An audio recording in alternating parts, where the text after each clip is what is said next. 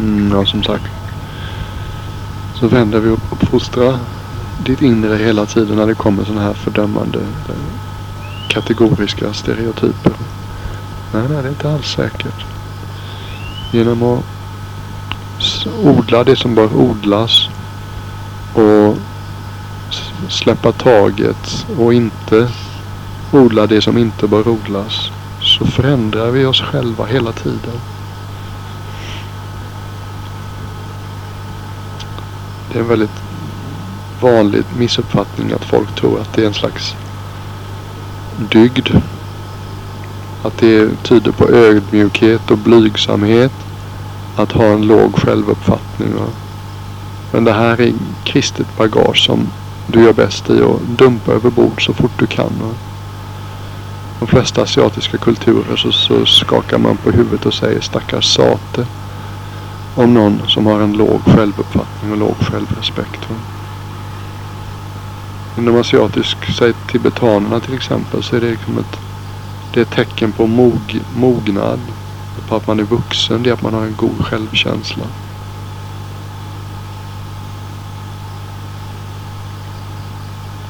Så att att vara överdrivet självkritisk, det är inte alls lika med hälsosam blygsamhet och ödmjukhet. Utan det är destruktivt handlande mot en varelse.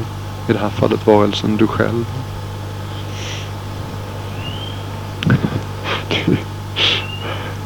Här finns tydligen en liten predikant här inne. Det är lite speciellt också med sin egen mamma. Det är på något sätt. Du och pappa är de två varelserna universum som jag, som, jag, som jag vill mest väl på något sätt. Och det är klart att när du har visat ett visst intresse för det här som jag har fått så mycket av så, så växer sig en entusiasm lite snabbt stark. Eh, en mer jordnära ett jordnära ämne som jag skulle vilja ta upp det är fysisk smärta. Det går inte att undkomma ett sånt här retreat så kommer du bara att, kommer du bara att upptäcka det att aj då. Det här var inte så bekvämt som, som Hotel Oriental i, i Bangkok. Kroppens natur är bara sån att den eh, som, vi, som jag sa tidigare. Att den, den, den är ett instrument för smärta. Det innebär inte att den inte är ett instrument för njutning också. Men några praktiska råd kring det. En tanke som fort kommer upp det är det här kan inte vara rätt. Jag gör min kropp illa genom att, genom att sitta igenom det här. Jag känner att det här gör min kropp illa. Ett sätt som man kan eh, ganska snabbt få klart för sig om man gör sin kropp illa så är det om smärtan varar, om den är så att säga ganska oförminskad eller om den, om den är ihållig kvar länge efter det att du har rest dig och bytt position. Då är det kanske dags att vara lite försiktig. Ja. Men om smärtan försvinner ganska fort efter att du har bytt position eller rest dig upp eller sådär. Så betyder det att eh, det är ingenting att bekymra sig för alls. Det innebär inte att jag säger att det är behagligt men, men det är ett sätt att se att den där smärtan som kändes så dramatisk den, den skadar mig inte därför att den försvinner ju så fort jag byter position. Ett annat, en viktig sak att komma ihåg när man då, det vanliga rådet som meditationslärare brukar ge folk när de sitter med smärta så är det då, alltså dels så inre stillhet har sina rötter i yttre stillhet. Det är därför det är viktigt att sitta still. Sitter vi och flyttar på oss hela tiden så, så har inte kroppen någon chans att och sakta ner och stillna till. Och då har inte det inre någon chans att stillna till heller. Så därför måste vi lära oss att sitta still. Uh, vi kan inte heller bara sitta genom eländig smärta meditationspass efter meditationspass. Därför då lär vi snart att tycka väldigt illa om meditation och då är det någonting som vi gör med osund, fientlig, jag vill inte attityd och det leder ingenstans. Eh, utan En bra attityd är att för det mesta så sitt med smärtan en bra stund tills du tycker att det här, det här tycker jag börjar bli riktigt obehagligt. Flytta då till en mer bekväm position men flytta långsamt och mindful. Liksom, släpp inte taget om din inre uppmärksamhet och bara liksom fläka över i någonting som är mer bekvämt utan gör det lite långsamt och känn efter hur det känns när du flyttar till en mer bekväm position. Och då och då, inte allt för ofta men då och då så är det på sin plats att säga 7000 den här gången ska jag banne mig följa med smärtan så långt jag någonsin kan. Eh, det är ganska... Det är lite väl optimistiskt att säga att jag ska sitta med smärtan till den går över. Nu har ju smärtan den egenskapen anichang som allting annat också. Att om vi kan sitta igenom den så upphör den helt och hållet. Och kan övergå i väldigt väldigt behagliga tillstånd. Men det är ingenting som man ska, som man ska ge sig på om man inte vet vad man sysslar med. Men, eh, men då och då, säg ett par gånger under retreaten om du tycker det känns på sin plats. Så, så säg till dig själv 7000 bövlar. nu jäklar. Det var det Buddha gjorde när han satte sig ner under boditrädet så sa han Blodet må rinna torrt i mina ådror och mina, mina, mitt skelett må falla till pulver. Men jag rör mig inte ur den här platsen förrän jag har nått fullständig insikt. Och en gång för alla varaktigt bortom girighet, själviskhet, okunnighet, aggressivitet och allt som inte är bra.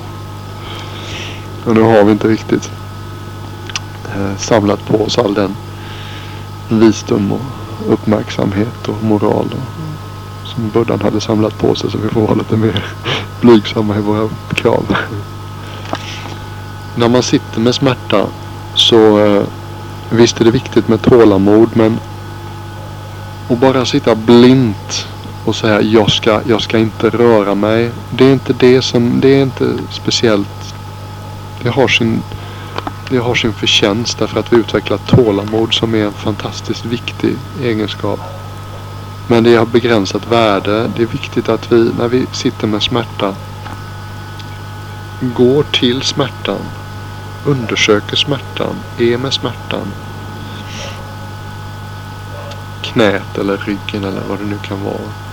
Gå till oss och titta, vad, vad är det här egentligen? Försök att lokalisera, vad, vad gör det ont egentligen? Hur gör det ont? Du behöver inte ge det namn, liksom pulserande eller bultande eller att det spänner eller att det, vad det nu drar eller vad det kan vara. Utan bara, hur känns det?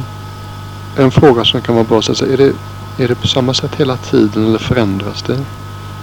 Då kommer du förmodligen upptäcka att det är en ganska dynamisk upplevelse smärta. Det rör på sig och förändras mest hela tiden. Det kommer och går.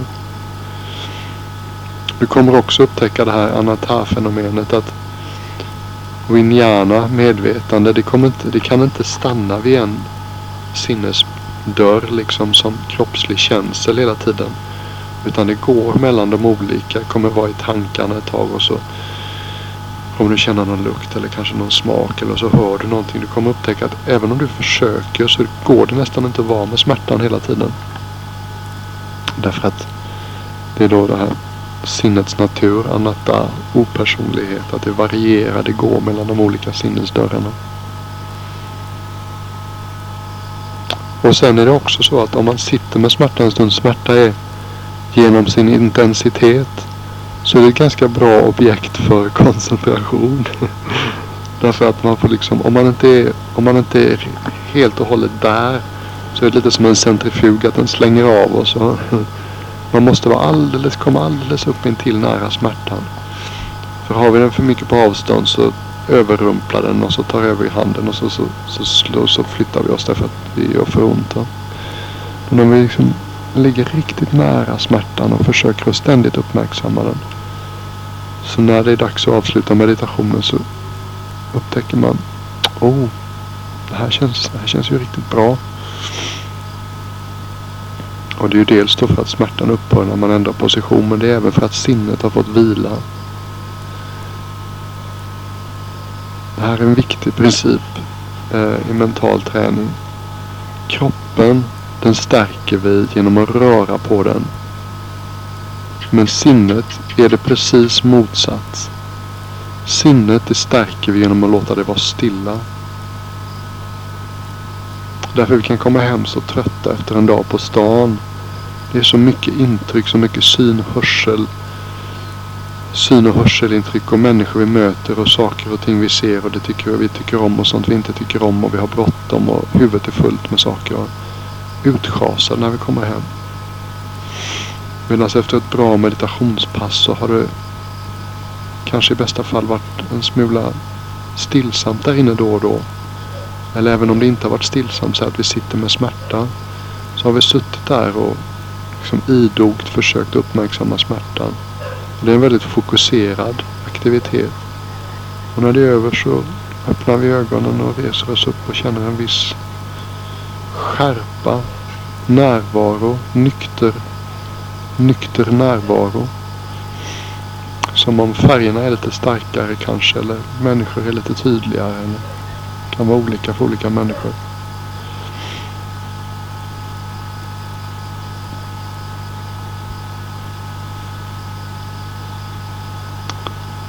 Nu skulle jag vilja prata lite om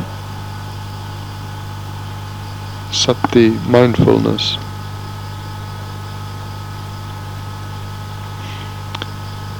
Här handlar det om eh, en väldigt lågmäld men kanske den om du måste välja ut en kvalitet som är viktigare än allting annat så är det nog sati, mindfulness. Kanske kan kalla det för ja, uppmärksamhet, sinnesnärvaro. Det är väldigt svårt att hitta ett svenskt ord på. tror jag försöker med sati så vänjer dig vid att höra det. På engelska talar de om mindfulness. Närvarokänsla.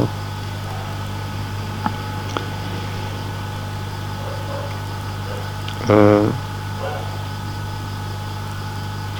det är någonting som är grunden för nästan alla andra goda egenskaper, alla andra goda inre kvaliteter och kapaciteter. Och som vi ska försöka ha från det vi går upp till det vi somnar. Speciellt under en retreat. Säg det, vänd uppmärksamheten inåt, inward bound. De här tio dagarna så behöver jag inte liksom uh, bry mig så mycket om vad som händer och sker omkring mig. Jag hjälper till med det man ska hjälpa till med och ser till att jag inte är i vägen för någon annan och försöker vara omtänksam och ta hänsyn. Och så ska vi odla sati, mindfulness, närvarokänsla. En människa som har sati han talar när det är dags att tala. Hon är tyst när det är dags att vara tyst. Hon leder när det är dags att leda och hon följer när det är dags att följa. Hon har en känsla för tid och plats, plats och rum. Vad som är lämpligt, vad som inte är lämpligt. En människa för, som har satt i, har plats att förstå hur andra människor kanske har det eller upplever saker och ting. En människa som har satt i går inte omkring och fördömer allting omkring sig och inom sig. Det är ett tyst vittne. Väldigt lågmäld och nästan lite vardaglig kvalitet. Vi kan säga att uh, det är lätt så här när man vill för mycket att oh, jag ska vara riktigt mindful nu kanske vi har sett något exempel på någon som har varit sådär supermindful och gjort någonting riktigt långsamt. Det behöver inte alls vara så. Man kan vara mindful under de mest märkliga egens, eh, omständigheterna. Och vara mindful när någon är elak mot oss är en väldigt stark upplevelse. Och bara vända uppmärksamheten inåt och så. Hur känns det här? Eller om vi är riktigt arga själva och vara mindful då. Hur känns det här inne? Så upptäcker vi att det är varmt och bränner och bultar. Usch, det här vill jag inte ha. Men om vi försöker vara mindful när vi ska kritisera någon annan eller säga någonting som är svårt att säga till någon annan men som vi har bestämt oss för att vi vill säga. Så om vi är mindful så känner vi i bröstet hur det känns medan vi pratar och säger det här till dem. Och då riskerar vi inte alls lika mycket att säga någonting som är orättvist eller för hårt eller som inte är rätt. Därför att vi är närvarande. Här kan man inte nog understryka vikten av att förankra satt i kroppen mycket. Vårt tankeliv tenderar att gå väldigt fort och det förändrar sig enormt snabbt. Det är väldigt svårt att hänga med. Kroppen är något mer långsam och kroppen har den fenomenala fördelen att kroppen befinner sig alltid i nuet. Det är därför till exempel andningen är ett populärt instrument för mindfulness eller för koncentration eller vad du vill. Därför det är här och det är nu. Tankarna de kan liksom gå tio varv runt jorden och springa tillbaks till tiden det fanns dinosaurier och springa fram till födelsedagar om flera år. Men kroppen den är nu.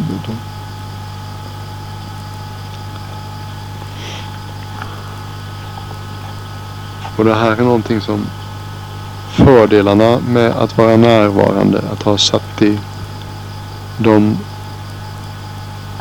de blir uppenbara när man tränar sig i det. Men det är lätt att tycka äsch, just nu har jag inte tid eller det är så mycket på gång eller här gäller det att hålla tungan rätt i mun så att jag släpper satt i, över bordet ett tag här nu. Eller vi glömmer bara bort, det är en gammal vana som vi har att vi eh, du kan säga så här. Antingen så har du satt i. Eller så går du på autopilot. Eller så sover du. Det är de tre tillstånden vi lever i mesta tiden. Va? Antingen gör vi saker och ting på autopilot. Antingen det kanske är saker som vi har gjort många gånger förr. Och så gör vi dem utan alls. Utan uppmärksamhet. Innan vårt sinne är någon helt annanstans. Och det, det ser helt normalt ut. Men egentligen så så slösar vi bort livet när vi gör det. Det finns en sen historia om en... Jag kommer inte ihåg detaljerna men det är väldigt kort. kort och så Ja, jag kom till den här abboten och så sa han att jag ska lära dig att äta ris. och nu har jag varit här i 30 år och nu har jag lärt mig att äta ris. Det är väldigt alldagligt att när vi äter så äter vi. När vi pratar så pratar vi. när vi sopar så sopar vi. Men hur ofta gör vi det egentligen? Hur ofta kör du bil när du kör bil? Hur känns det att köra bil egentligen? Hur känns det i kroppen? Vilka delar av ryggen nuddar ryggstödet? Och hur känns det skor eller inga skor och trycka på olika pedaler. Och hur ligger växelspaken i handen egentligen? Hur känns det att hålla i en ratt med händerna? Vilka delar av handen är det det trycker i? Och hur har vi nacken egentligen när vi kör bil? Rör på oss ganska mycket. Och var befinner sig vårt sinne när vi kör bil mest? Hur stor del av tiden mellan huset i Falsterbo och ICA-boden. Eller vad det hette i Skanör. Där du brukar handla. Hur stor del av den tiden spenderar du med att köra bil och hur stor del är du i ditt inre på golfbanan eller på middagen ikväll eller på något bekymmer med någon i familjen eller något, vad det nu kan vara.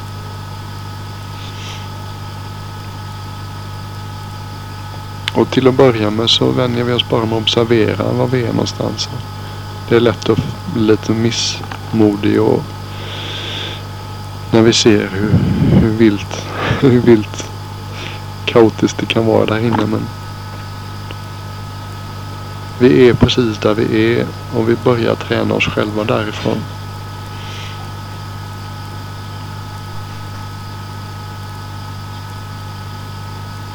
hur kan jag stå ut på ett sånt här ställe?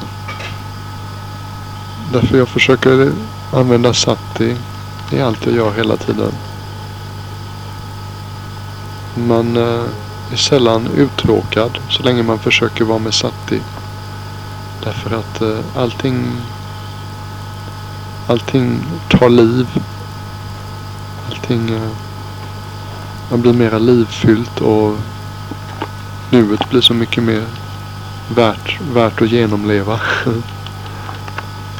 En människa som bara följde sina begär och som inte var intresserad av att tyst vittna, observera och betrakta det inre, det inre flödet skulle ganska snart springa härifrån därför det erbjuds inte speciellt mycket begärstillfredsställelse på det yttre planet.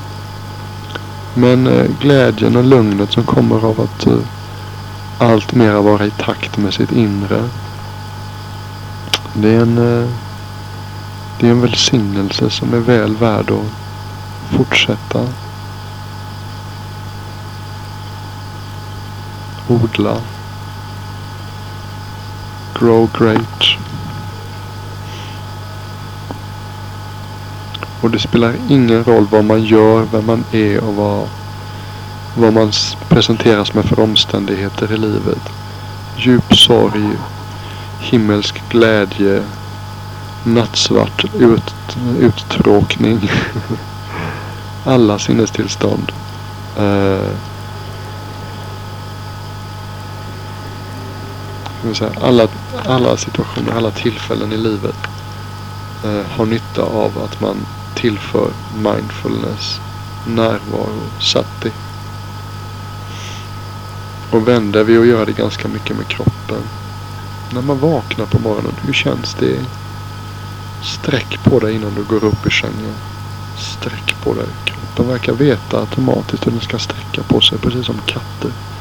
Hur känns det när man sträcker på sig? Vad, vad är det egentligen man gör då? Går upp, sätter på dig morgonrock och tar på dig tofflorna. Och hur är det? Hur känns det att ta på sig tofflor? Du har förmodligen gjort de här. Gått igenom kroppen fram och tillbaka ganska mycket nu. Och säkert uppmärkt eller noterat att kroppen mår bra av, av den här uppmärksamheten. På svenska så talar vi ibland om att vara grundad. Det är på något sätt att vara jordad. Att ha fötterna i myllan. Och det här är karaktäristika hos sati. Människor med sati, de tappar inte greppet så lätt. De är närvarande, de har balans. Och det hänger ju ihop kropp och sinne därför att alla mentala upplevelser har ju en fysisk reaktion. Allt mer börjar jag känna att känslor till exempel, de är i mångt och mycket till största delen fysiska. Och meditationskursen kommer du upptäcka då att buddhister har ofta en ganska god förmåga att tala om känslolivet på ett ganska precis sätt. Då. Och så sitter du kanske där och tycker att men herregud, jag är inte sådär, jag är inte sådär listig. Jag vet inte om det här är sorg eller vemod eller sådär. Du kanske känner att du måste ge namn till då inre upplevelser. Men det behöver du inte alls bekymra dig om. Gå till den fysiska upplevelsen. Vad, hur känns det? Och du behöver inte ge den fysiska upplevelsen namn heller. Du behöver inte veta att nu är det solar plexus som känns lite som att om någon tar en melon som har legat i solen länge och så rullar de lite med foten så rullar de melonen så att den känns sådär ihoptryckt med ett hårt skal och så är den alldeles röd och känslig inuti. Du behöver inte kunna ge namn på saker och ting utan gå direkt till den råa känsloinformationen. Hur känns det? Hur är det egentligen som vi säger på svenska? Det är det som är, det är, det som är upplevelsen som ska noteras.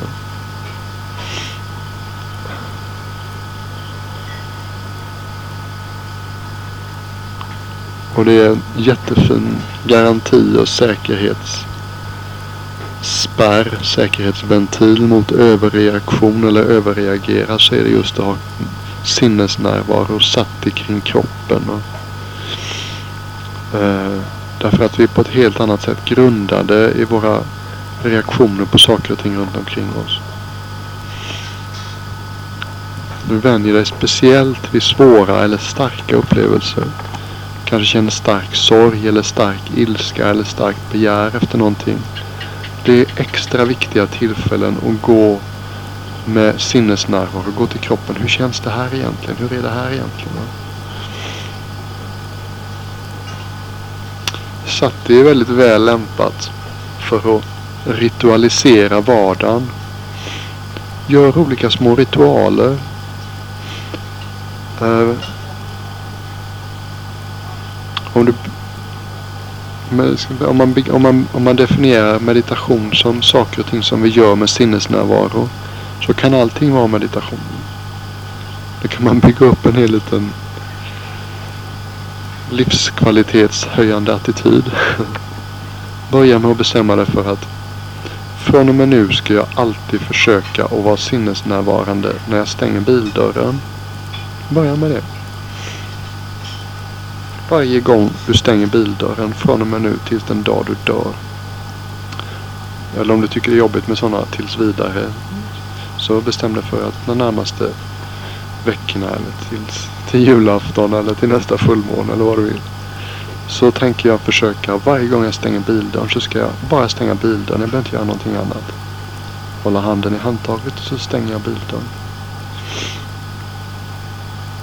Eh, från och med idag till min nästa födelsedag så ska jag försöka varje morgon och kväll när jag borstar tänderna och vara sinnesnärvarande och ha satt i när jag borstar tänderna. Hur känns det att borsta tänderna? Hur känns det egentligen? Var, var är jag egentligen med tandborsten och hur länge spenderar jag på olika ställen? Och bara hur är det att borsta tänderna? Det är mycket det vi inte gör som hjälper sinnesnärvaro. Och inte gå igenom dagen som har varit och dagen som ska komma. Och eh, hoppas jag får sova gott i natt därför att jag behöver vila inför morgondagen eller så vidare och så vidare. Utan dumpa alltid, lämna alltid åt sidan.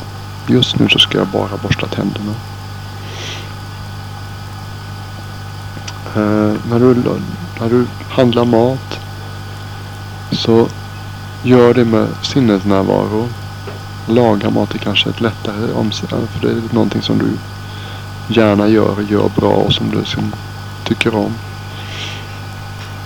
När du skär löken så skär löken. Hur är det egentligen att skära lök? Du behöver inte bekymra dig om såsen eller pajen eller efterrätten eller vinet eller någonting annat. Just nu så ska jag bara skära lök. Vända vi vid att finna glädje vid att inte vara fast i vandrande tankar.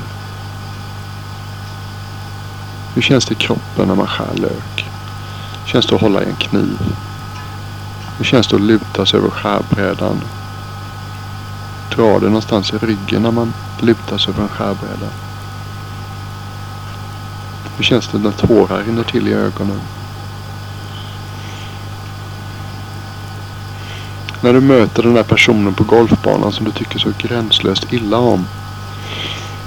Varje gång du möter den personen, bestäm dig för att ja, nu från och med nu så ska jag varje gång jag möter den här personen så ska jag känna efter hur det känns rent kroppsligt.